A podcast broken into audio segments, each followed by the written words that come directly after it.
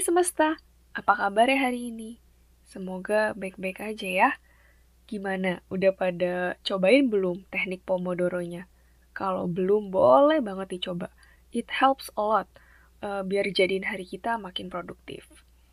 Nah, hari ini Ica mau lanjutin tentang cara mengatasi procrastination, yaitu dengan buat to-do list. Ica itu udah pernah coba banyak buat cara bikin to-do list yang efektif dan yang paling efektif so far menurut Ica adalah yang pertama, buat to-do listnya dikelompokin. Kalau Ica tiga kelompok, responsibility, hustle, sama habit.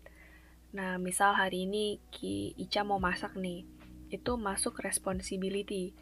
Terus kalau Ica lagi mau lanjutin belajar bahasa baru, itu Ica masukin ke hasil. Selanjutnya, uh, Ica kasih berapa waktu yang udah Ica sediakan untuk hal-hal tersebut. Contoh, tulis masak 2 jam, terus belajar bahasa 2 jam, dan seterusnya. Nah, udah gitu Ica tulis lagi sesuai pukul berapanya di Google Calendar. Uh, jadi misal uh, masak dari jam 8 sampai jam 10 gitu. Yang buat di Google Calendar ini bantu banget kalau kita lagi procrastination terus kita megang HP nih. Nah, ke pop up tuh notification tugas yang udah kita rencanain pas di jam kita lagi procrastination. Ini ngebantu banget. Hmm, boleh banget dicoba. Cara yang selanjutnya adalah teknik 5, 4, 3, 2, 1 ini Ica belajar dari Natalie Bacon. Uh, misal, kita lagi nge-push diri kita buat melakukan sesuatu atau untuk belajar atau buat apa pun itu. Dan kerasa banget pengen nunda, maksudnya pengen procrastination atau lagi males banget buat ngerjain.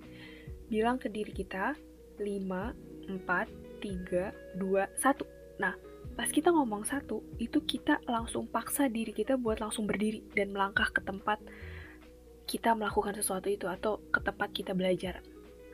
Kalau cara yang kedua tadi masih belum bisa membuat kita untuk bergerak, untuk memulai, kita bisa pakai cara 5 uh, minutes rule.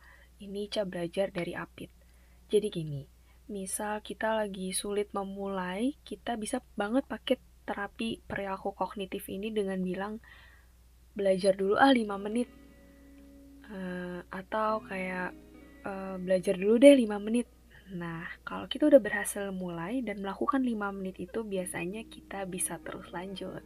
Uh, sekian dulu untuk hari ini. Semoga teknik-teknik tadi bisa dicoba sama teman-teman semua. Uh, semoga bermanfaat dan bisa mengurangi atau menghilangkan atau mengatasi procrastination-nya.